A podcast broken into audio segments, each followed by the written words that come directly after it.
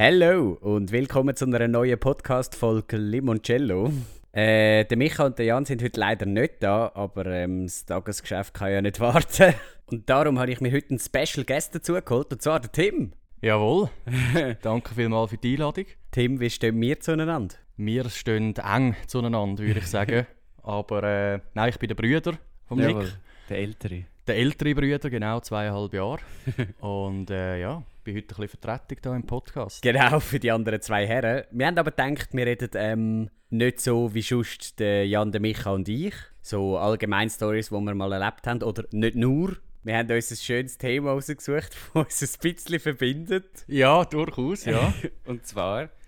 ja, heute geht es ein bisschen um Stories von früher. Also muss, ich, muss man vielleicht noch sagen, wir sind beide nicht die bravsten gewesen, kann man sagen. sind ein bisschen Augen Ziemlich Saugofen. Also unsere Eltern haben einen hohen Stress am anderen gehabt, wenn man es genau nehmen Ja.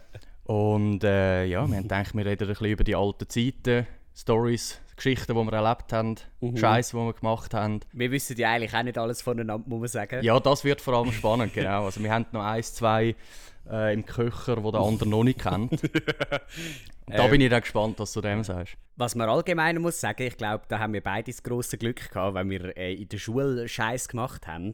Wir sind ja nie von der Lehrpersonen so ein bisschen als äh, die, ne- also die, die nervigen, blöden Kinder oder so angesehen worden, sondern wir sind ja beide bei den. Lehrpersonen in der Tendenz noch beliebt gewesen, nicht? Ja, also bei mir hat das dann schon geändert, ja. hat sich noch geändert. Also nein, umgekehrt. Zuerst war es so, gewesen, dass ich würde mal sagen, als ich noch zu Erlenbach in die Schule gegangen bin, ich bin ja dann nach der 6. Klasse auf Zürich in die Schule und dort hat sich eigentlich erst so richtig geändert, weil ich weiss noch, meine Lehrerin, Frau Fäh, früher, die hat nicht so Freude an mir.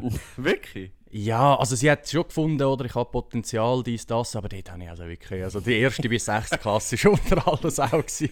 Gut, äh, als, als angehender Lehrer weiß ich, wenn es heisst, ja, er hätte Potenzial, heisst das, er nervt. Ja, eben Soll genau. bitte hören.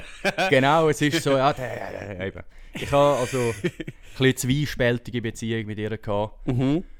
Ja, nachher aber hast du eigentlich recht, ja. Ab der Sek ist immer so, ich bin immer so ein der der extrem viel Scheiß gemacht hat und aufgefallen ist, aber ich hatte es super mit den Lehrern.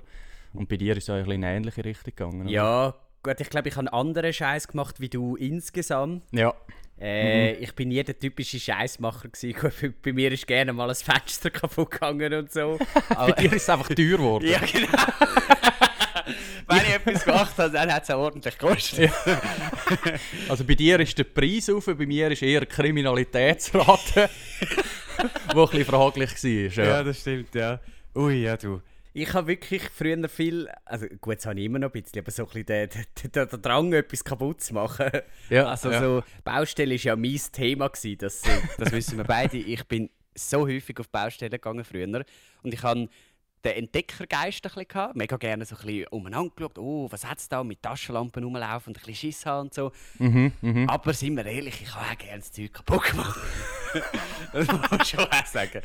Du hast so ein bisschen eine zerstörerische Ader gehabt, früher nicht. Ja, ja. Ich weiss Also- noch, also meine absolute Lieblingsstory war schon die aus der Garage gewesen, bei uns in Erlenbach. Das hat auch ein bisschen etwas gekostet. Ja, ich bin. Äh, unser Nachbar hat so ein kleines äh, umgebautes Wägeli gehabt, also so, so, eine Art Bobbycar, aber der hat ausgesehen wie, wie so ein Bus. Ja, das Ding, also, das Postauto. Postauto. Ja, Genau, genau, Postauto. das Postauto. Und ähm, also der war elektrisch betrieben gewesen, und wir haben das geklaut. Also ein Kollege und ich, wir sind da noch jünger gewesen. Und ich glaube, ich. Nein, er war am Steuer und ich habe angegeben. Mhm. Und dann ist er ein bisschen umeinander gefahren und hat dann irgendwie so gerufen: Stopp, stopp, weil irgendwie das Lenkrad irgendwie nicht mehr recht hat wollen oder so. Und ich habe einfach gedacht: «Boah!» Und dann sind wir voll weiter und einfach voll in den Ferrari rein und hat es eine Bühne Ja, also man muss sagen, eben unser, wir hatten einen Nachbar unten, gehabt, so einen Russ ist das, mhm. ich glaube, gell? Und der ist, ich habe das Gefühl, das ist ein Oligarch, der ist jetzt wahrscheinlich irgendwie das Geld eingefroren worden. Mal schauen, ob der Ferrari noch dort ist. Nein. Und also der war steinreich. Gewesen. Der hat, ja, der hat noch irgendwie einen Bentley gehabt. Das ist der Einzige, der irgendwie drei Parkplätze gehabt hat. Die Ja. anderen haben ein oder zwei gehabt. Und ein Auto schöner als das andere. Ja. Oder vor allem teurer halt. Ja, und dann genau, das war glaube ich wirklich das teuerste Auto, das dort war. Das haben wir uns ausgesucht. Ja. Und ich weiss nicht mehr, wie das rausgekommen ist, aber auf jeden Fall, unsere Eltern haben dann das Geld auf den Tisch legen. Das ist eine gute Frage, ja. Ich glaube, das ist eh ein Mysterium. So vieles, was wir gemacht haben, ist irgendwie rausgekommen. Äh, alles? Ja, alles. Äh, Alles. Und man ist sich irgendwie nie genau sicher gewesen, wie. Also bis heute haben unsere Eltern uns nie so recht erzählt, wie das eigentlich immer alles Ja, ich glaube, es ist so ein bisschen eine jugendliche Naivität Ja, ja. dabei, oder? Wo du irgendwie denkst, so, hä, wie haben sie das herausgefunden? Dabei ist es völlig offensichtlich. Ja, voll. Also, welche Doppelfahrt in der Garage in den Ferrari rein? Das muss ja einer von uns gewesen sein. Ja, das stimmt. Apropos auch etwas, wo ich mich bis heute frage, wie das äh, eigentlich rausgekommen ist. Mhm. Wir, ähm, also es ist, äh, das macht mich jetzt glaube ich gerade ein bisschen unsympathischer. Aber wir sind einmal zu dritten unterwegs gewesen, also ich und zwei Kollegen, also auch bei uns im Quartier. Mhm. Und dann hat, ein, hat einer von uns aufs WC müssen. und dann haben wir so eine Gutzli Kiste gefunden irgendwo. Und nachher hat er halt sein Geschäft dort rein gemacht. Also das Grosse, Das oder? Grosse. Und Ja. ich habe dann noch das Kleine drin gemacht. Ah, auch noch. ja, ja. Und dann war die Frage, gewesen, ja, wo jetzt damit? Und da hat es natürlich einen Briefkasten in der Nähe gehabt. Ähm, von so einer Familie, die wir auch, also logischerweise kennt haben, weil sie sind ja Mhm. eben aus dem Quartier. Da haben wir das dort rein da. und nachher ähm, uns nichts dabei gedacht. Und dann ist dann irgendwann so ein bisschen das aufgekommen im Quartier. Ja, irgendjemand hat diese Scheiße im Briefkasten da. Mhm. Und da war halt die grosse Frage, wer ist das und so. Und ich bin einmal im Gereizle und die Mutter ist dann mal an mir vorbeigelaufen und hat mich auch so gefragt, hey Nick, hast du das eigentlich mal mitbekommen und so. Mhm. Also mhm. was bin ich da gewesen? Vielleicht 8, 9 oder was auch immer. Ja. Ähm, und dann habe ich mit der geredet, ah, oh nein, hab ich nicht gewusst und so. Und sie, ja, es wäre wirklich cool, wenn das rauskommt, weil es geht ja nicht und bla bla bla.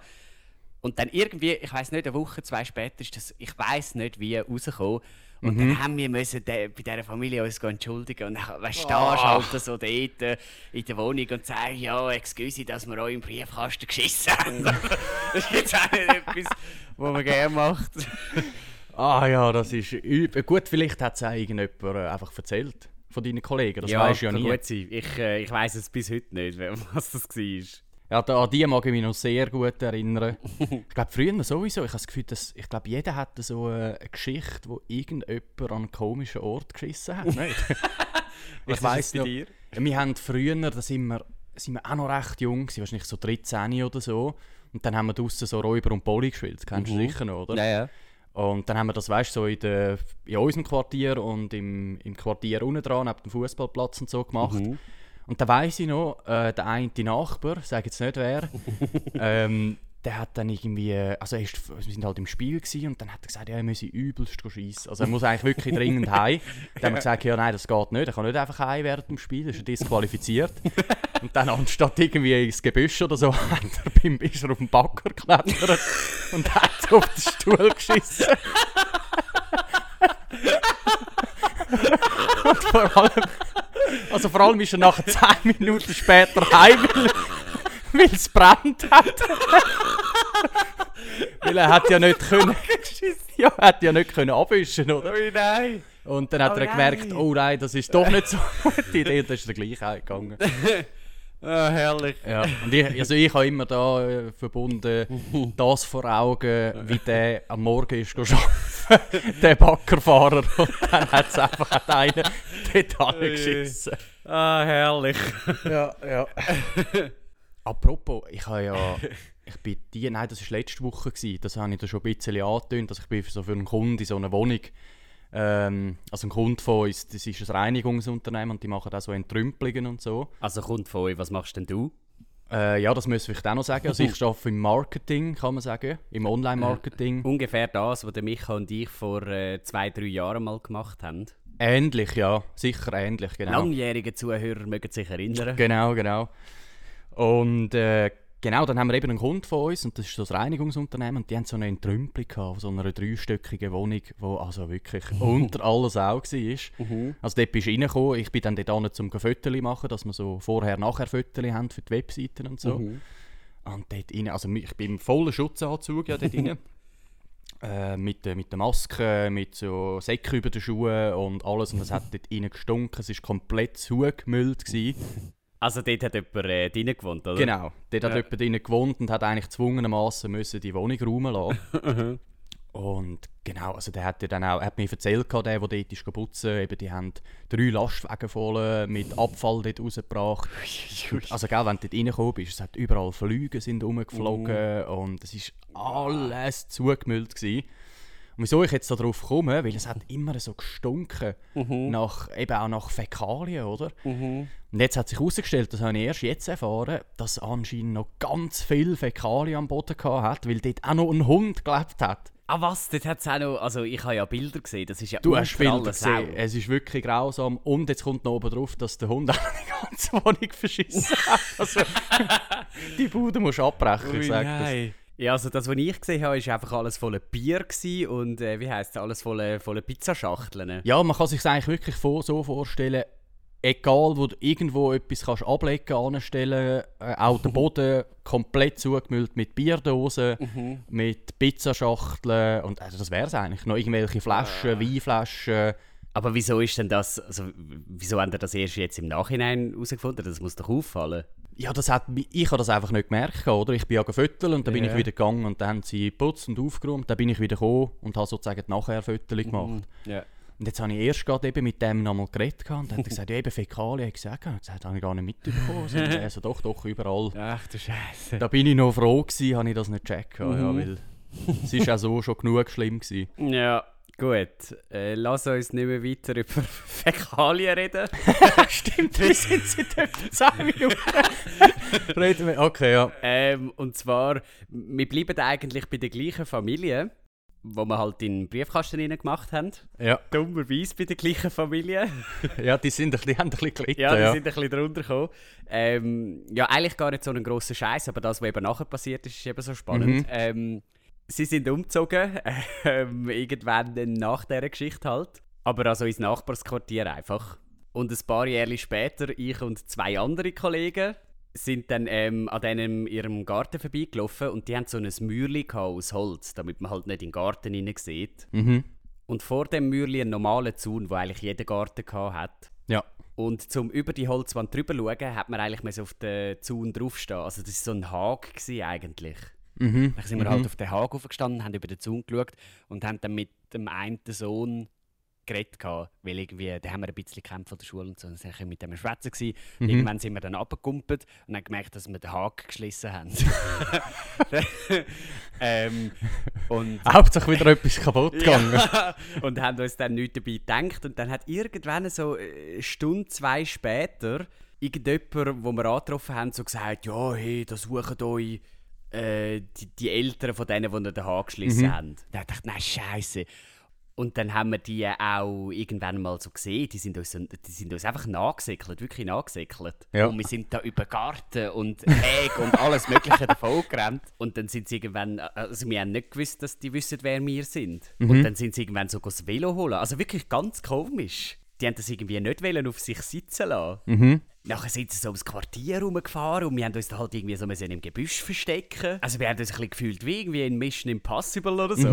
Wo wir wirklich die ganze Zeit haben, oh Scheiße, jetzt haben sie uns verwünscht, aber sind sie dann wieder an uns vorbeigefahren und so. Mhm. Und das ist, glaube ich, so eines der geilsten Erlebnisse, die ich je habe. Also natürlich, dort in dem Moment halt bist du so völlig im Film und so. Ja. Aber es war mega geil. Gewesen. Und die haben uns dann nicht verwünscht. Und der eine und ich sind dann zu uns, äh, also zu mir heimgegangen. Mhm. Go, go übernachten halt. Und der andere hat in dem Quartier gewohnt und ist dann halt zu sich heim. Und der hat dann eine halbe Stunde später angerufen, ja, es ist dem vor der Tür, Kommen- kommen bitte wieder runter. Also dann haben sie gewusst, Ja, wer das es war. ja, wir haben ja auch mit dem Sohn geredet, gehabt, der im Garten war. Aha, ja, ah, ja, dem gut, ja. Von Anfang an ihr klar euch können sparen Ja. das.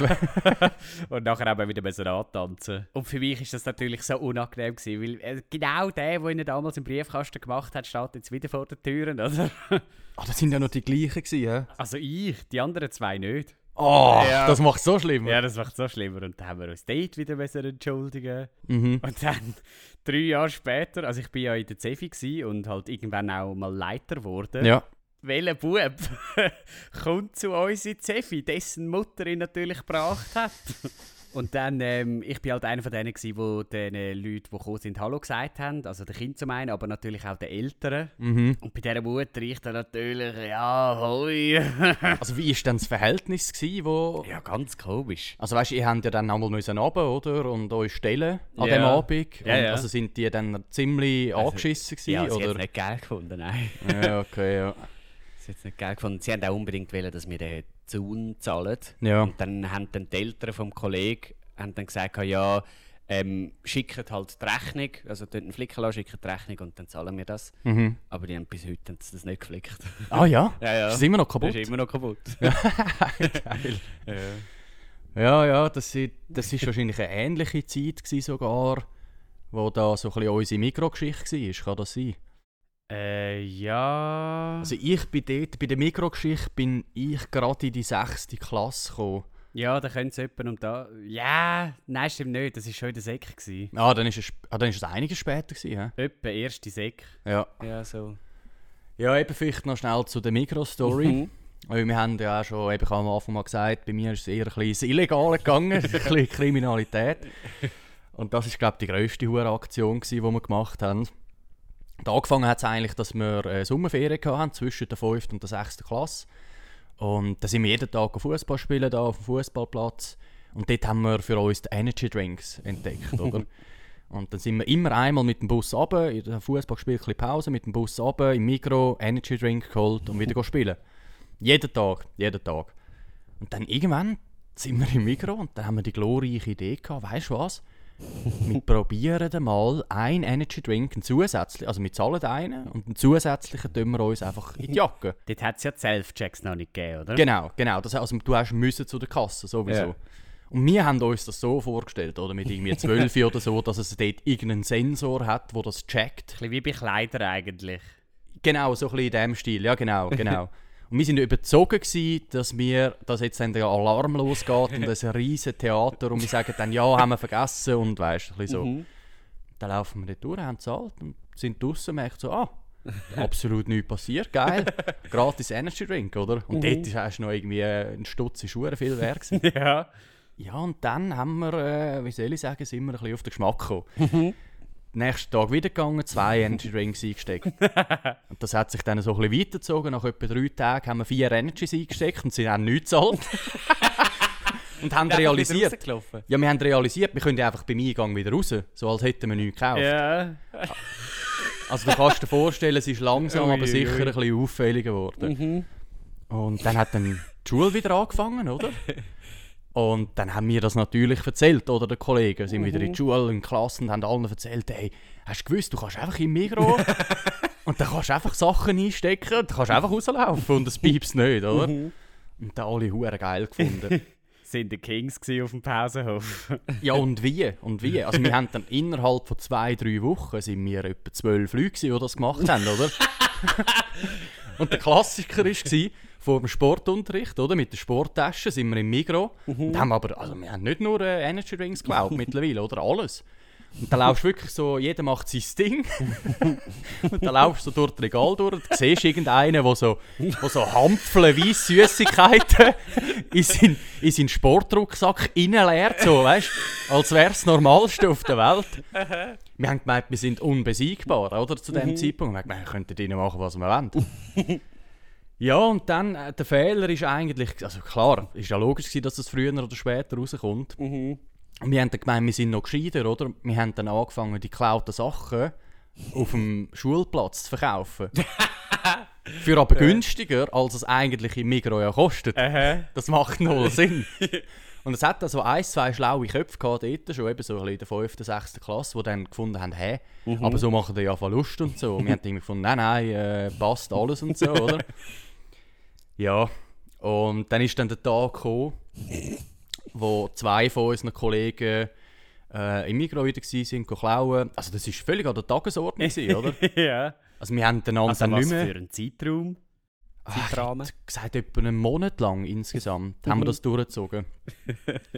Und weißt du, das ist dann auch nicht mehr so Sache, so hey, gehen wir klauen oder, oder so, hey, vor, hey, vorher bin ich noch klauen im Fall und so. Das ist völlig normal, da haben wir gar nicht mehr über das geredet. holen halt. Genau, so gehen wir noch schnell im Mikro, so ja eh, und dann stecken wir alles ein. völlig normal, oder? Genau, und dann ist der Tag gekommen, sie haben uns natürlich auf dem Radar gehabt, oder?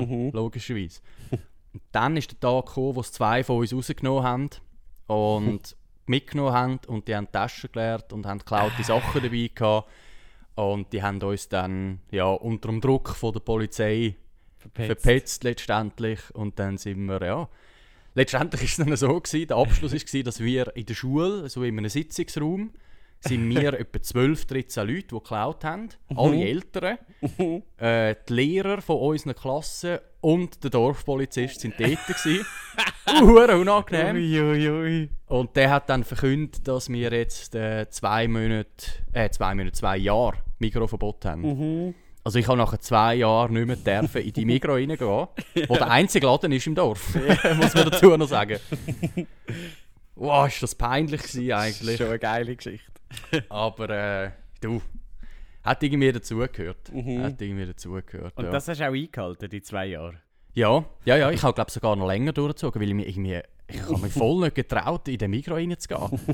ich habe die ganze Zeit gedacht, so shit, wenn die mich wieder sehen und dann wieder beobachtet und... Und wo hast du dann auch mit deinen Energy Drinks geholt? Äh, Kiosk wahrscheinlich, hm? ich glaube, das ist noch eine gute Frage, also sicher Kiosk. Einen Dinner hat es damals, glaube ich, noch gehabt, oder nicht? Ja, aber der ist, auch, der ist halt auch im Mikrogebäude gewesen, oder? Ja, aber noch nicht. Es hat früher, ähm, sind amig, äh, während der Kilby sind immer alle ab in den Dinner gegangen, etwas zu trinken kaufen, anstatt es bei der Kilby selber zu posten. Stimmt, ja. Und dann hat es mal so eine Regel gegeben, dass der Dinner nicht offen haben während der Mhm. Kilby-Zeit oder irgendwie so etwas. Aber das ist erst später gekommen. Und irgendwann hat ja dann der Dinner sowieso auch zu der Migros gehört und ist in dem Gebäude. Ja, das stimmt, aber du hast recht, vielleicht bin ich in Denner, ja. Mhm. Ich weiß es im Fall nicht mehr, aber ich bin ja dann auch in äh, in Zürich in die Schule kurz nachher, oder? Und äh, haben dann auch dort zu Mittag gegessen und alles. und da hat sich das wie so ein bisschen erübrigt, aber ja. Dort bin ich lang, wirklich lang nicht mehr in den Huren Migros reingegangen, ja. Mhm. Ja. Ich habe mal, ähm, also apropos Kilby, nachher Mhm. können wir noch schnell zu der Polizei kommen, aber jetzt äh, noch ganz einen kleinen Einschub schnell wegen der Kilby. Ich habe viel am äh, Zefi-Stand gearbeitet bei uns an der Kilby. Mhm. Und das ist halt so ein bisschen, ja, man kommt dorthin, dann sagt man, ja, ich habe jetzt eine Schicht und so, und dann wechselt man halt einfach irgendwie innerhalb einer Viertelstunde. Mhm. Und dann habe ich mir so gedacht, eigentlich könnte ich das ja auch bei anderen Ständen machen. Es hat ja zum Beispiel den Jugend, äh, Jugendverein gehabt. Mhm. Und dort arbeiten ja auch Leute in meinem Alter. Und es hat auch noch so etwas von der Feuerwehr gehabt, wo die Leute auch ungefähr in meinem Alter waren. Ja. Und dann habe ich mir gedacht, wenn ich jetzt einfach dort angehe und so tun, als hätte ich eine Schicht und nachher so ein bisschen Zeug isst und so, was am Stand hat. Und nachher gehe ich halt wieder und dann habe ich das halt einmal gemacht. Und Also du hast so da, als wärst dort am, am Arbeiten. genau. Also ich bin zum äh, Jugendlokal gegangen, zum Julo hat das geheißen. Ah ja, genau, ja. Und dort haben halt eben wirklich Leute in meinem Alter gearbeitet. Also da hat dann halt irgendwie so 14-Jährige oder so gehabt, die Mhm. da sind. Und dann bin ich halt auch einfach dort hingegangen und so ein bisschen «Ahoi zusammen» und so, weil man hat sich ja vom Gesehen her einigermaßen kennt. Mhm. Und dann haben sie halt gefragt, ja, weißt du, was du musst machen? Und dann habe ich gesagt, ja, ja, weißt du, Kasse und so. Und, und dann bin ich halt so ein bisschen dort gestanden. Also ich bin nur so eine halbe Stunde dort gewesen. und in dieser Zeit habe ich einfach gegessen und getrunken wie ein Blöder und so. Und nachher habe ich einfach so gesagt, ja, meine Schicht ist fertig, gell, und so. Und dann hat alle gefragt, ja, hä, wieso hast denn du nur eine halbe Stunde? Und dann habe ich so gefunden, ja, weißt du, das ist abgeklärt und so, das ist alles gut. Und dann bin ich halt gegangen und dann halt einfach wieder so ein bisschen an der Kilbe umeinander und so. Und dann irgendwann ist mir dann da die Jugendarbeiterin über den Weg gelaufen an der Kilbe. Ja, die kenne ich noch, ja, ja. Ähm, und dann ist die halt so zu Gumpen gekommen und hat gefragt, hey, bist du da an unserem Stand gewesen und so. Und dann habe ich gesagt, Mhm. ja, ja, aber weißt du, ich habe eine Schicht übernommen. Dann hat sie so gefragt, ja, sag mal, wie heisst denn du überhaupt? Ich kenne dich doch gar nicht. Und Mhm. die haben da halt so gesagt, du hättest da so Zeug gegessen und so. Und nachher hat die das angefangen auszurechnen, wie viel das war. Oh nein! Ja, und ich habe irgendwie für 40 Stutz Zeug gegessen. Und ich habe ja logischerweise nicht einmal so viel Geld dabei gehabt. Und nachher hat sie mir so die 10 Stutz weggenommen, die ich halt noch hatte. Mhm. Und dann hat sie gefunden, ja, für den Rest musst du halt jetzt gleich noch eine Schicht übernehmen. Also ich muss eine Art für das arbeiten. Und dann habe ich so gesagt, ja, aber ich kann halt jetzt leider nicht, weil ich treffe noch meine Eltern jetzt dann. Und dann hat sie gefunden, ah ja, das ist super, da komme ich gerade mit. Und ich habe meine Eltern ja logischerweise nicht getroffen. Ah, ja. Nachher bin ich mit der durch die halbe Kilbe durchgelaufen und irgendwo, wo es viele Leute hatten, bin bin ich einfach davon gesäckelt. Nein! das ist ja maßlos. Oh, ist das... Oh, da hast du dich aber voll in die Scheisse geritten, weil absolut. jeder kennt dich und... Absolut. Oh, jetzt fällt mir gerade auf, du hast dem, ich glaube, du hast einen schlechteren Ruf gehabt, als ich gedacht habe früher. Du Es geht. hast überall also, so ein bisschen angegeckt. äh, so Ja, ein ja, schon, ja.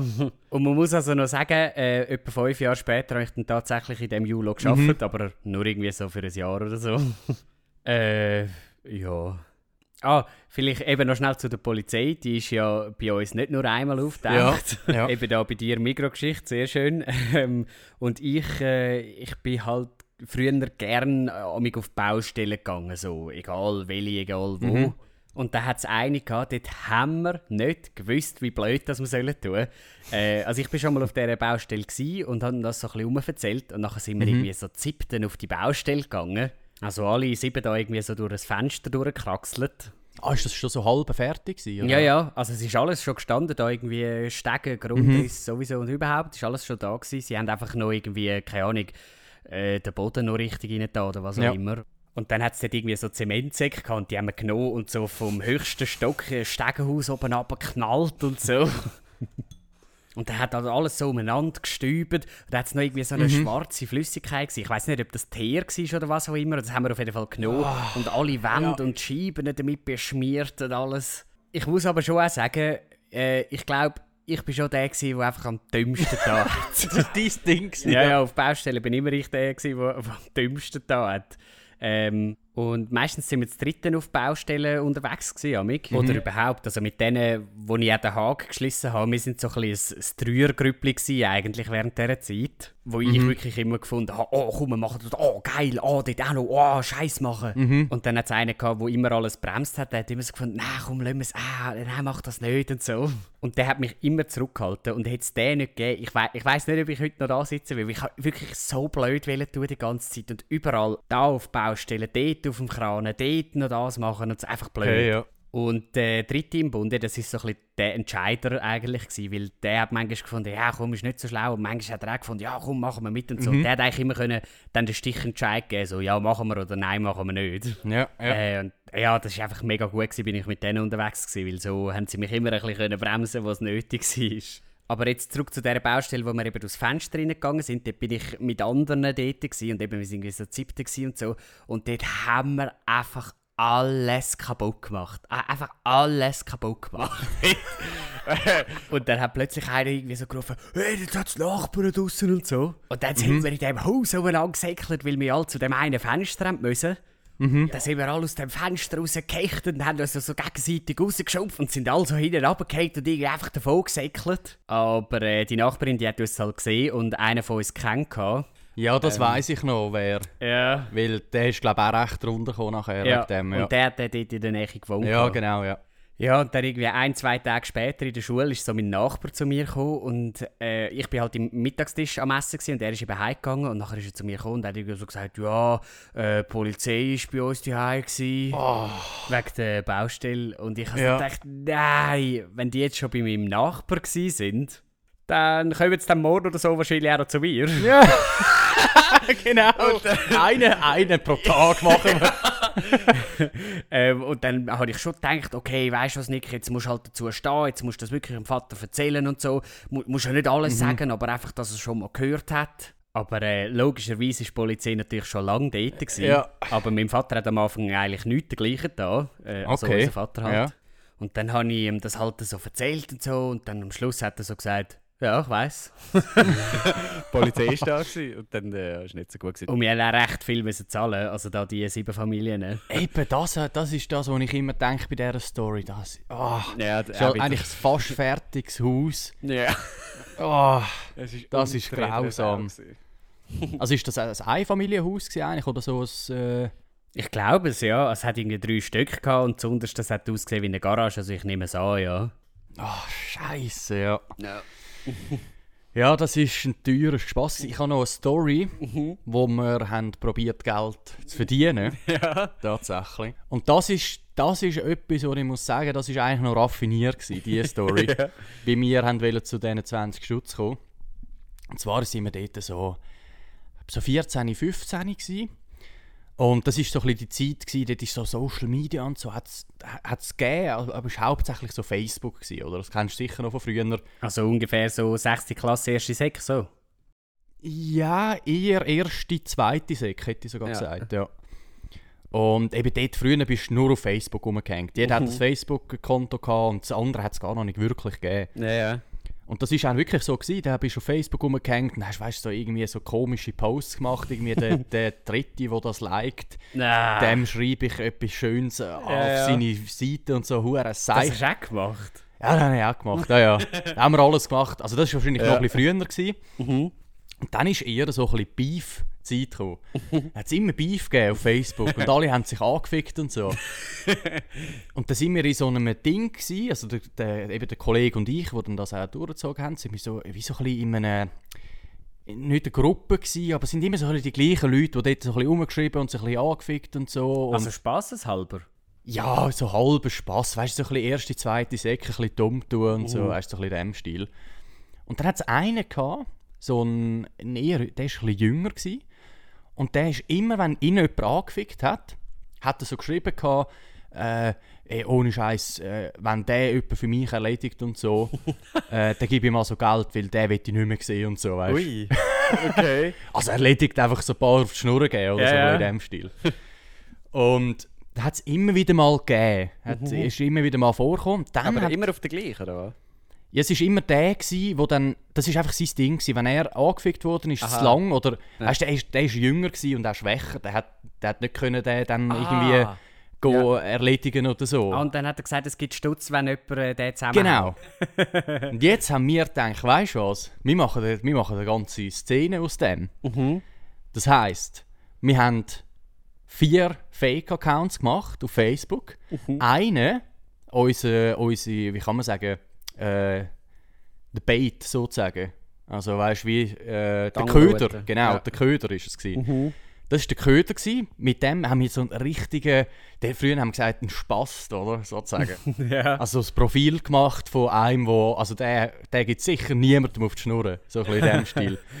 Dann haben wir das Profil gemacht mit Bild und allem, dies und das, oder? Woher hat er dann Bilder genommen? Einfach irgendwie von Google. Wir haben einfach gegoogelt nach irgendetwas und haben das passendes Bild genommen und dann das als sein Profilbild gemacht und so. Und okay, Mission startet. Dann haben wir den angefangen anficken, oder? Der, der immer andere sucht, um dann äh, die, seine Sachen zu erledigen, oder? Mit dem Köder-Account. Genau. Ja. Also wir haben mit dem Köder-Account haben wir den angefickt und gesagt, ja eben, sei der grösste Hund und so und dies, das und bla bla bla. Einfach aus dem Nichts. Ja. ja, mehr, also ich glaube, wir haben es schon ein bisschen raffinierter gemacht, aber es ist mehr oder weniger, also eben, wer ist das eigentlich plötzlich? und dann hat er angebissen tatsächlich. Er hat angebissen und hat gesagt, hey, ohne Scheiß, der nervt mich so und so. Wer dem ein paar auf die Schnur gibt, dem gebe ich irgendwie 20 Stutz. Denkt, okay, er hat angebissen. Ja. Teil 1 hat geklappt. Dann haben wir zwei weitere Fake-Accounts gemacht von den harten Siechen. Also der, der Kollege hat ein Profil gemacht und ich habe ein Profil gemacht. Und dann weiss ich noch, haben wir so, sind wir so auf Google und haben so, so unbekannte deutsche Rapper gesucht, die so hure breit sind und so und so richtig angsteinflößend, weißt du, für so einen. Ähm, dann haben wir da wirklich das Profilbild wieder gemacht, das Titelbild, alles. Wir haben sogar noch einen vierten Account gemacht, das war die Freundin vom einen und so. Und das sind natürlich dann unsere zwei Schlägertypen, gewesen, die, die das für ihn erledigen und der andere, äh, der Köder, erledigen. Aber es sind alles wir, gewesen, die dahinter. oder? Ja, ja. Genau. Dann haben wir dort reingeschrieben und so, hey, wir haben da gesehen, du, äh, da muss man etwas erledigen und so, machen wir, oder? und dann, er ist, glaube ich, selber ein bisschen überrascht gewesen, dass das wirklich jetzt jemand macht. Und dann weiss ich noch, haben wir so, ich habe im Fall die Chats immer noch, gell? Und dann haben wir mit dem so ein bisschen geschrieben und haben eben geschrieben, nein, das machen wir und so. Kein So Problem, tun wir erledigen. Super, und dann äh, gibst du uns nachher die 20 Stutz. Er, okay, ist gut. Dann haben wir gesagt, geil, okay. Jetzt, jetzt sagen wir dem einfach, ja, wir haben es erledigt. Und dann gibt er uns, dann haben wir 20 Stutz verdient mit dieser ganzen Aktion. Also muss man sagen, die Aktion ist auch etwa zwei, drei Tage gelaufen. Ja, ja. So, dann haben wir ihm geschrieben, so, wir haben es erledigt, oder? Und dann sagt er, ja, aber das könnt ihr ja jetzt einfach sagen. Also er braucht ja noch irgendeinen Beweis oder so. Und dann haben wir gesagt, ja easy, also gut. Und dann haben wir, sind wir rausgegangen am Abend und der Kollege ist dann so am Boden gelegen äh, und so als wäre, weißt so Knockout oder so. und dann haben wir so ein hure unscharfes, un ungutes Bild gemacht, dass man halt nicht so gut erkennt, wer es ist. Äh, von ihm da irgendwie am Boden und haben das gefüttert und haben es ihm geschickt. Und er war halt easy skeptisch, gewesen, oder? Er hat so ja, gefunden, ja, aber äh, irgendwie, das, er weiß ja jetzt nicht, ob das der ist und so weiter. Und ähm, Der hat es wahrscheinlich auch nicht ganz so geil gefunden. ja, und eben, ich glaube, er ist einfach hure unsicher geworden in dem Ganzen, oder? Und wir haben dann angefangen zu finden, ja, weißt du was, machen wir einfach ein bisschen Druck, oder? Wir sind ja da irgendwie die harten Siechen. Ja. Und dann haben wir einfach gesagt, ja nein, wir haben es erledigt, das war äh, so besprochen, gewesen. jetzt wollen wir die 20 Stutz gesehen, oder? Ähm, und jetzt, der letzte Schritt war noch, gewesen, Das Geld übergeben irgendwie. genau, Ja. weil die Leute gibt's, also die gibt es schon, aber das sind irgendwelche deutsche Rapper. Ja. Die, und die können jetzt nicht einfach in die Schweiz kommen. Also ich behaupte, ihr habt dann irgendwie gesagt, ja, mein Cousin kommt vorbei und nachher bist du dann irgendwie vorbeigekommen. Ziemlich genau das, ja. Mhm. Ziemlich genau das. wir, haben dann, wir haben dann eben angefangen, uns, also unsere echten Personen, auch noch profilieren. So als wären wir voll die Buddies mit diesen deutschen Rappern. Und weißt, wir haben da... wir sind so ein bisschen die, die in der Schweiz alles managen für die, weißt wenn sie Konzert haben in der Schweiz und Nein! so. Ja, ja. Also, Also, du hast den ja gekannt, oder? Also der, der hat wollen, dass die Leute verhauen werden.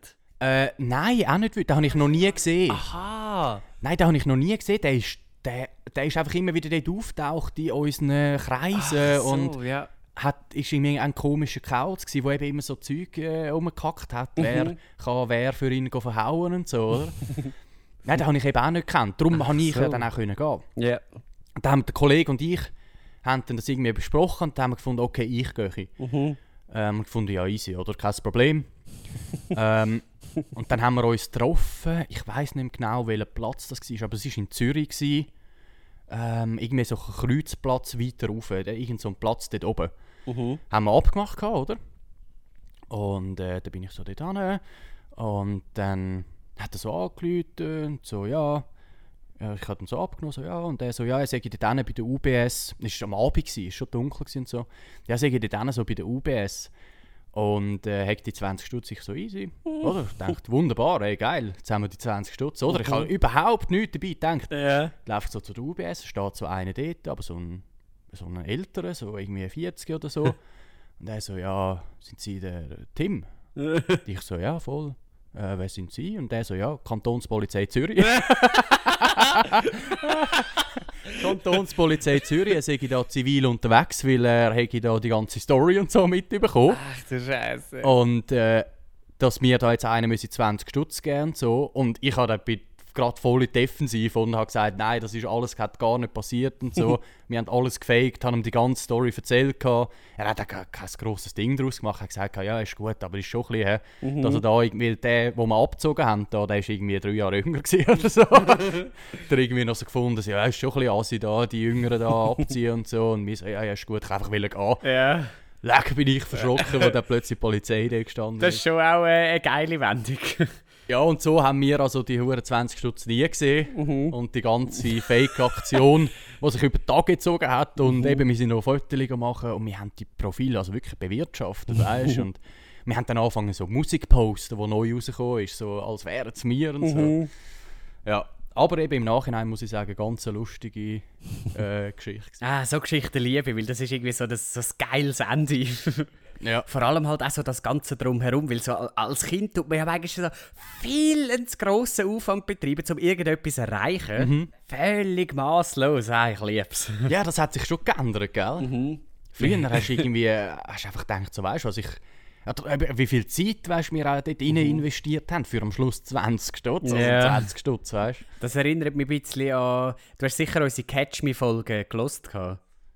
Da, wo wir Fangis spielen, äh, Micha, der Jan und ich und noch zwei andere. Mhm. Und das ist, glaube ich, so etwas von der einzigen Sachen gewesen, wo ich in den letzten paar Jahren für etwas eigentlich völlig unnötiges, einen gigantischen Aufwand betrieben habe.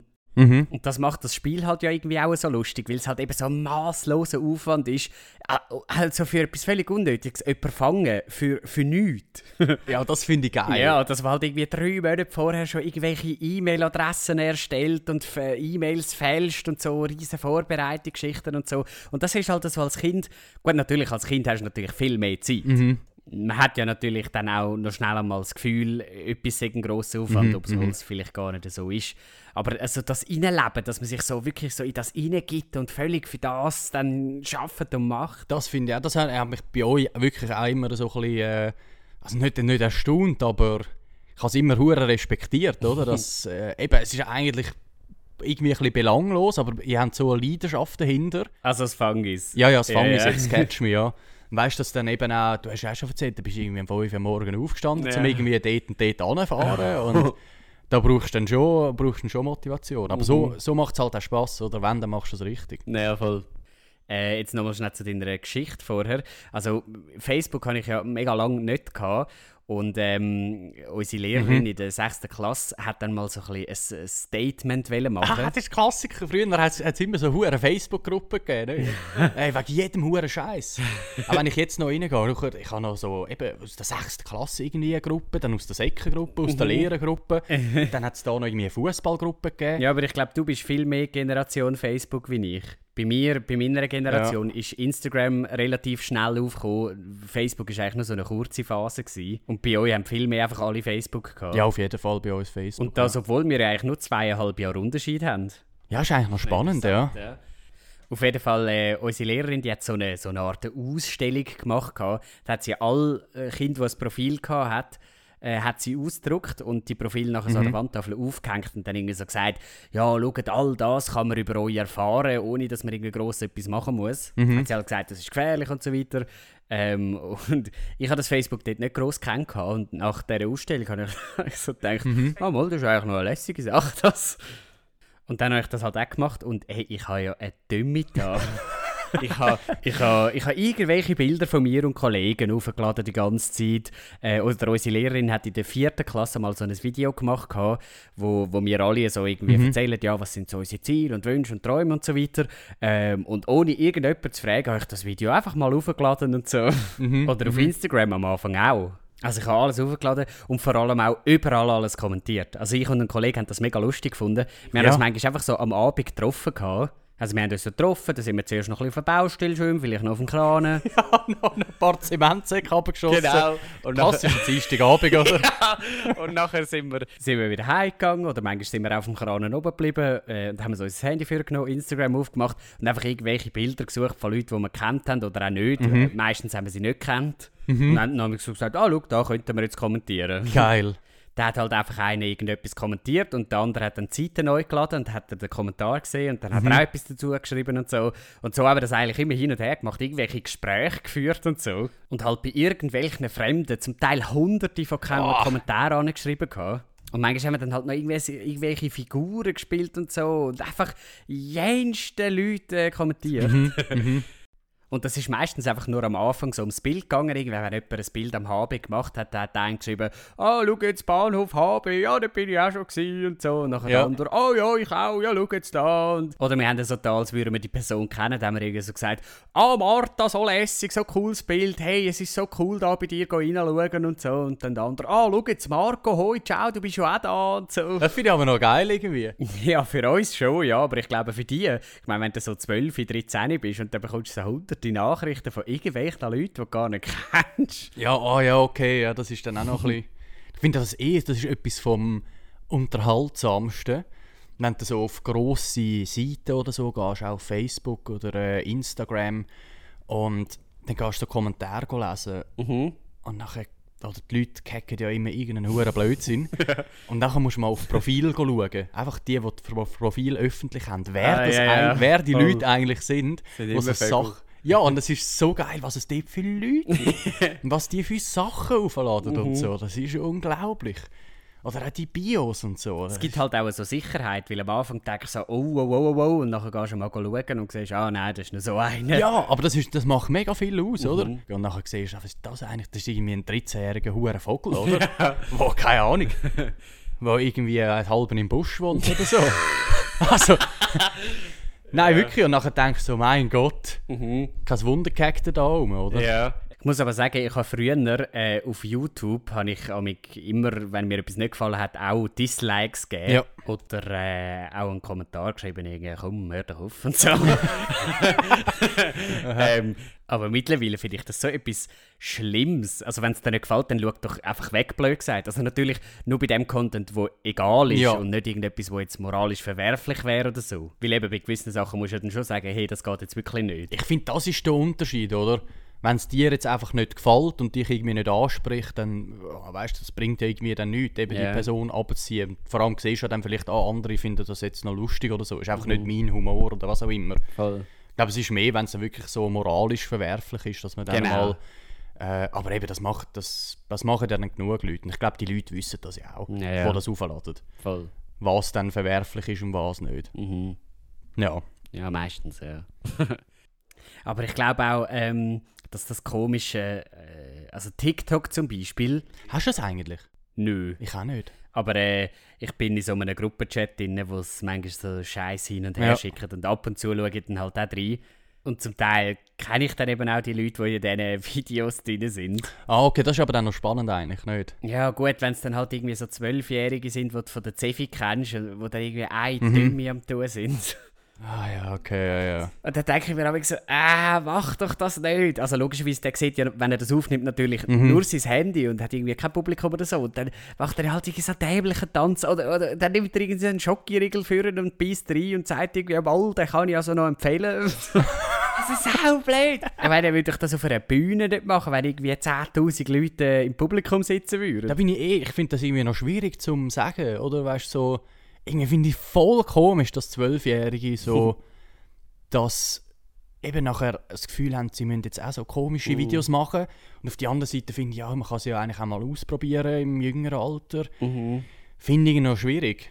Ich glaube, man braucht einen, halt einen gesunden Umgang oder jemanden, der einen begleitet. Das ist das Wichtigste. Ja, gut, das stimmt, ja, ja. Das erinnert mich äh, ein bisschen an meine Zeit, wo ich irgendwie, ich weiß nicht, ich glaube in der 5. Klasse war. Dort hat es noch so eine Fernsehsendung gehabt, die hat «Ups, die Pannenshow» geheissen. Und ich und irgendwie fünf, sechs aus dem Quartier haben das halt so ein bisschen parodiert. Das ist so etwas wie «Heute Fail Army». Ah, ja, ja, das habe ich geliebt. Ulks. Ulks, die Genau, Pannenshow. und wir haben dann Ulks die Pannenshow daraus gemacht. Und da haben wir halt so uns gefilmt, wie wir irgendwelche Pannen haben und umkehren und so. Aber ich meine, das war natürlich ja alles gestellt. Gewesen. Ja, wir haben schon gedacht, ja, ja, das sieht schon echt aus. Ja, ja, ja, ja. Und wir haben irgendwie so ganz komische A-Moderationen gemacht und so. Also eben, wir sind halt noch mega jung gewesen.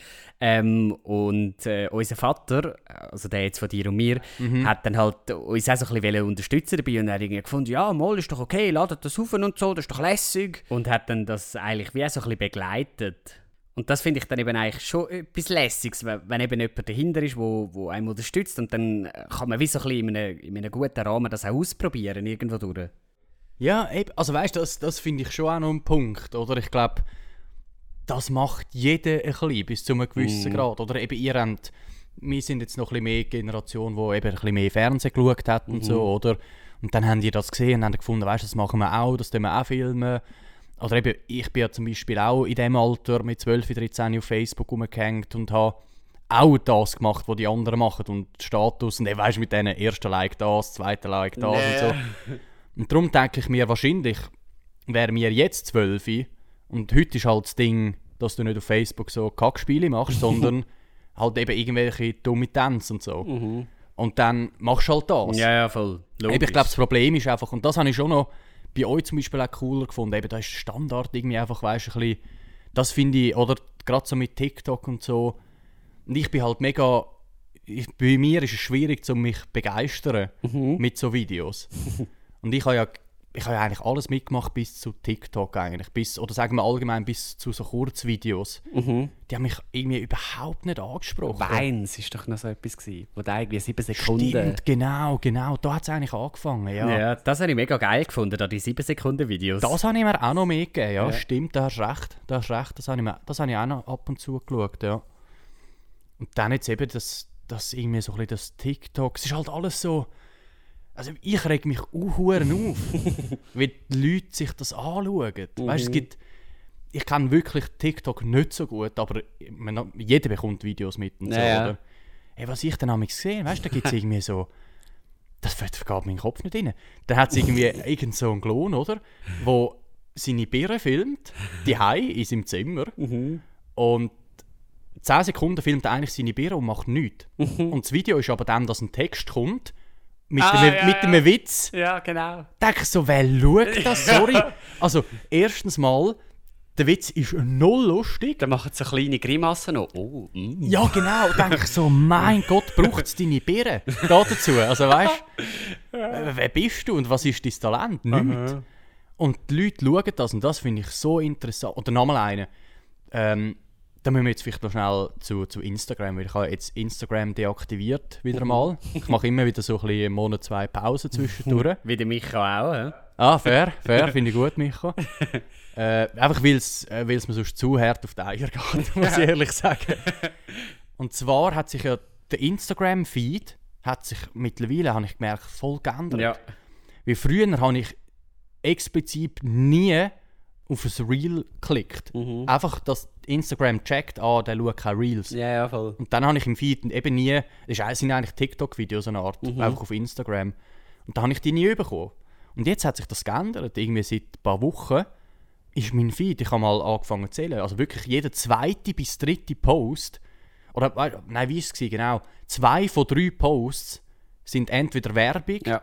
oder Reels oder irgendjemand, den ich gar nicht abonniert habe. Ja, voll, das ist maßlos im Moment. Oder auch, ah nein, Werbung hast du schon gesagt. Genau, Werbung auch grausam. Da sehe ich immer die Reels und denke so, mein Gott, wer, wer schaut das? Da habe ich letztens, muss ich auch noch schnell sagen, da habe ich letztens so einen Channel, der hat mir da zwei, drei Mal angezeigt, oder? Ähm, so ein, die sind, machen so einen auf Mathe-Experten, sie machen so Mathe-Tipps.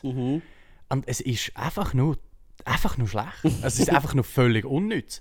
Und die haben so viele Views und Likes. Und es geht dann eigentlich darum, dass die so Tricks, oder? Dann hast du so ein Plakat, so ein äh, so eine Pinwand, eine Art, oder? Flipchart. Und dann steht so 55, äh, 44 durch 5 gleich. Und dann 33 durch 5 gleich. Und 22 durch 5.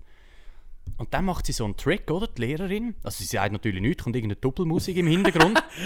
und zeigt so, okay, jetzt irgendwie 44 durch 5, dann kannst du 44 minus 5 und dann tust du das irgendwie noch durch 2 und dann nimmst du die erste Zahl hintere und dann hast du das Ergebnis. Oder? Mit einfachen Tricks. Und dann macht sie das und die Leute sind begeistert. Aber der Trick funktioniert nur, wenn du zwei Sekunden überlegst. Der Trick funktioniert nur, wenn du zwei gleiche Zahlen hast, also 44, 33, 88, 99, oder? Ja. Und durch 5 rechnest. Ja. Bei allem anderen geht der Trick nicht. Und die Leute schreiben in die Kommentare rein, wow, wie geil und so. Und weißt du dann auch so, äh, also das bringen sie uns dann in der Schule wieder nicht bei, hä? Denke ich so, ja Markus, du bist dann edgy, hä? Schön gesellschaftskritisch, gell? Das bringen sie uns dann nicht bei, hä? Oh ja, oh ja. Wer kommt irgendwann in die Situation, nur schon 44 durch 5 zu rechnen, mit einem Blatt Papier? Das passiert nicht. und die Leute sind begeistert und das ist für mich das, wo... Oh, das macht mich irgendwie aber wirklich ein hässig. amigs. Ja, genau. So Leute im Internet die sind irgendwie immer so hell begeistert ab jedem Furz, der da irgendwo umeinander schwirrt und, und gleichzeitig dann irgendwie so mega hässig und empört darüber, dass irgendwie eben da in der Schule bringen sie uns das ja nicht genau. und auch sonst irgendwie ein System und alles. Aber das, was im Internet drin ist, das ist einfach geil und die zeigen mir jetzt und das. das ist, das ist so richtig, eben, die, die meinen sich so edgy, wie ich das nenne. So, ja, weißt du, und eben, und äh, weißt eben, wie du auch so gesagt hast, die da oben, die, die haben ja eh keine Ahnung und der Typ ist für unsere Gesellschaft, hey, der ja eh keine Ahnung hat und Ja, so. genau. Jetzt kommt wieder irgendjemand auf TikTok da, der es voll im Griff hat. So, nein, schalt doch deine Birnen ein, zwei Sekunden. Der Pascal, der das schaut, hat ja selber keine Ahnung. Der, der, der Ja, checkt das genau. doch auch nicht. Und dann so halt der Klassiker, ja, endlich sagt es mal jemand, oder? Und ich weiss es jetzt besser und ja, die Hui und so. Ja, ja, genau, genau. Nein, es ist wirklich grausam. Es ist wirklich grausam. Ich habe letztens etwas gesehen und da bin ich mega lang verharrt, weil es mich irgendwie so aufgeregt hat. Das ist so ein, ein Sohn, der ist ich weiss nicht, auch nicht zwölf oder so und sein Vater halt irgendwie um die 40 rum und die sind beide so komplett überdreht irgendwie. Und äh, auch alle Videos also ohne Ton halt und immer irgend so eine Drecksmusik. Und die sitzen dann irgendwie immer am Stubentisch und machen so Challenges. Und die Challenges gehen immer um Geld. Also irgendeiner bekommt immer 20 Stutz. Und äh, die 20 Stutz, die liegen dann da halt irgendwie so auf dem Tisch. Und da gibt es irgendeine Challenge, wie jetzt zum Beispiel, wer zuerst den Becher leer getrunken hat mit dem Röhrli. Ähm, und äh, dann der Sohn hat aber so, das ist der Witz dann, irgendwie so eine, so eine Kiste gebaut, so ein Gestell, wo dann unten dran noch ein zweiter Becher ist. Und am Vater, sein Becher steht oben drauf auf dieser Kartonkiste und der merkt das aber dann natürlich nicht, dass auf dem Tisch irgend so eine scheiß Kiste steht und dort drauf dann sein Becher ist. Nein! Und dann trinkt es das und der Vater die ganze Zeit so, hä, hm, hä? Und, der, und der Sohn ist natürlich viel früher fertig. Und der Sohn, der nimmt dann halt das Geld und giggelt, oder? Äh, oder da gibt es auch so eine Challenge, da hauen sie irgendwie so abwechslungsweise auf den Tisch und immer ist irgendwie so ein Ei dort oder nicht. Und nachher sagt irgendwann so der Vater mal so, oh, schau mal dort. Und nachher der Sohn schaut weg und der Vater tut das Ei an und nachher schlägt er natürlich voll drauf. Oh Also so mein. Gott, nein! Ich weiß genau Und dann was. hat die irgendwie so 30, 40'000 Abonnenten auf Instagram und dann frage ich mich, wer schaut denn so etwas? Und findet das auch noch geil? Dann tun's, dann tun's in den Kommentaren, da, da alle rasten aus vor Freude und sagen, nein, der Vater hat's nicht gecheckt, so geil! Es, es ist so geil! Und dann lachen alle mit 20 Smileys und so. Die Leute haben den Scheissfreude. Ja, und nachher tut sie irgendwie in den Kommentaren so, «Schau, Ed Martin, schau mal, der Vater, er checkt's nicht! ich frage mich wirklich auch, ah, Oh mein Gott. Ja, das sind so, weißt du, was habe ich noch? Das Äquivalent, das ist für mich, das sind so, weißt du, die, so die Zwölfjährigen und so, die irgendwie das erste Mal im Internet sind, das nicht checkt, dass es offensichtlich fake ist. Und das Äquivalent für mich ist so für die 50-Jährigen auf Facebook. ja, stimmt, ja. Kennst du die Videos, wo es nachher so, es sind meistens so aus dem asiatischen Raum, wo es so offensichtlich so ganz schlecht. Da siehst du irgendwie so ein Mädchen am Brüllen und dann kommt so einer und so, was ist los? Und nachher mit ganz tiefer Musik und ja, irgendwie, ja, ich finde meinen Sohn nicht mehr und ich habe meinen Sohn verloren. Und er so, ah, weißt du, so mit dem Gesichtsausdruck völlig übertrieben. Und dann kommt so ein Auto vorbei so- und, und ruft so raus, hä, dein Sohn? Schau mal da hinten. Und nachher schaut so rein und nachher ist der Sohn dort rein. Und, nachher, und er so, nachher macht er noch so einen lässigen Spruch und fährt wieder weg, so in dem Stil, so, ich jetzt deinen Sohn. Und nachher ist sie völlig zerstört am Boden und er so, nein, warte, ich lüte jetzt jemandem an. Und dann läutet er irgendwie seinem Kollegen an und der kommt mit dem Bike und dann holt es den Sohn. Und es ist so, weißt du, es ist nachher so ganz berührend, emotionale Story am Schluss. Oh, es ist wieder mit dem Sohn vereint und oh mein Gott. Und es ist so schlecht gespielt. Oh mein Gott, es ist so schlecht. Ja, sowieso, so asiatische Videos. Ich komme zum Teil gar nicht raus, was die Story ist. Ich check's nicht. Also ja. einmal, da habe ich wirklich, da, da, da habe ich die Hosen runtergeladen und am Boden gegackert. Das mich ich habe es so komisch gefunden. Das ist so eine Frau, die hat irgendwie Stöckeli-Schuhe an. Keine Ahnung, irgendeine japanische Frau oder so. Und dann äh, hat sie halt so hohe Stöckeli-Schuhe und dann läuft sie so an den Stegen an und kommt nicht rauf. Sie kann die Stegen nicht rauflaufen wegen der Stöckeli-Schuhe. Ja. Und sie ist natürlich eine wunderschöne Frau. Mit so einem kurzen Mini-Röckchen und so. Und dann kommt natürlich so unglaublich attraktiver Mann entgegen. Und der sieht sie dann halt so. Und ohne irgendetwas zu sagen, tut er sie dann einfach päckeln. und dreht sie die Stegen rauf. Und dann tut er sich irgendwie so in den Haaren rumschlecken und so. ja, genau. Und sie ist natürlich völlig verträumt und die Musik auch so gerade so, wow, ist das gerade lässig gewesen, was er gemacht hat. ja. Und dann läuft sie weiter und tut irgendwie mit dem Vögel noch ein bisschen schwenken und so. Ah, genau das. So die Sketches. Ja, das sind so Sachen, wo ich mich wirklich frage, also wer zu, zum einen natürlich schaut das und findet es auch geil und zum anderen aber auch, wer glaubt denn das wirklich? Und dem, was bewusst ist, dass es nicht stimmt, also warum schaust du denn das überhaupt? Ey, das, das ist für mich ein Phänomen, oder? Weil eben dann, also das Schlimme ist ja erst, wenn du dann in die Kommentare gehst und die Leute irgendwie schreiben, oh mein Gott, ich bin so froh, hast du deinen Sohn wieder gefunden? Oder hat Ja, sie ihren genau. Sohn wieder gefunden und sind sie wieder vereint? Ich kann mir das gar nicht vorstellen als Mutter und so. so hä? Wie hast du irgendwie jetzt einen Bezug zu dem? Nach dieser absoluten Fake? Äh, So, es ist so schlecht. Aber gut, man muss natürlich auch sagen, natürlich sind Geschmäcker ja auch unterschiedlich. Also ich schaue sicher nicht die gleichen Sachen wie du und du schaust nicht die gleichen Sachen wie, ich weiß nicht, unsere Eltern, falls sie überhaupt irgendetwas schauen. Also nur schon da gibt es ja logischerweise Unterschied. Aber ich würde schon irgendwie auch noch gerne äh, äh, verstehen, dass man so etwas gerade lässig findet. als Beispiel Humor ist ja subjektiv. Oder ich finde äh, andere Sachen lustig als andere Leute und das ist auch okay, man muss ja nicht alles lustig finden. Aber gerade bei so Videos, wo äh, äh, nichts an Sinn haben und eigentlich völlig inhaltslos sind, warum findet das jemand gut? Wirklich, eben genau, wieso, oder? Wieso schaut man das? Das verstehe ich nicht. Und das ist halt eben das Problem, zum halt zurückkommen, so auf Instagram und, und TikTok und so. Das Schlimme finde ich halt auch, dass, dass du immer zugemüllt wirst. Wieso kommen immer fremde Sachen? Ja. Weil ich habe es endlich geschafft, Insta hat mich schon immer ein bisschen aufgeregt. Auch, auch die Leute, die ich kennt habe und so, was die für Bullshit posten und so. ähm, und dann habe ich das alles mal angefangen aussortieren. Ich habe Seiten deabonniert, ich habe Leute äh, entfolgt und so. Und es war wunderbar. Gewesen. und jetzt kommt das eben wieder, dass die ganze Zeit Ja. so Reels reinschießt und so. Das habe ich auch gemacht. Ja. Ich habe mal richtig aufgeräumt vor einem halben Jahr. Ich habe noch etwa die Hälfte so viele Leute, die ich jetzt folge Ja. wie vorher. Einfach nur Ja, genau. Gewesen, so Meme-Seiten und so halt. Ja, genau, genau. Aber du hast recht, ich meine, wenn einer von drei Posts, oder ich habe das Gefühl, es ist mittlerweile sogar mehr, Mhm. oder, oder nein, da kommt zuerst eine Meme-Seite, wo du folgst, dann drei Sachen, denen du überhaupt nicht folgst, und dann kommt dann noch eine Person, der du folgst. Irgendetwas. Ja, eben genau, genau. Also ich weiß ja wirklich nicht, wer sich das überlegt hat. Aber ich habe mal gehört, man kann auf der Instagram-Webseite kann man das irgendwie jetzt umschalten, dass du nicht mehr so viele Sachen überkommst. Ja, genau, das wollte ich jetzt nämlich abschließend auch noch sagen. Das habe ich nämlich herausgefunden.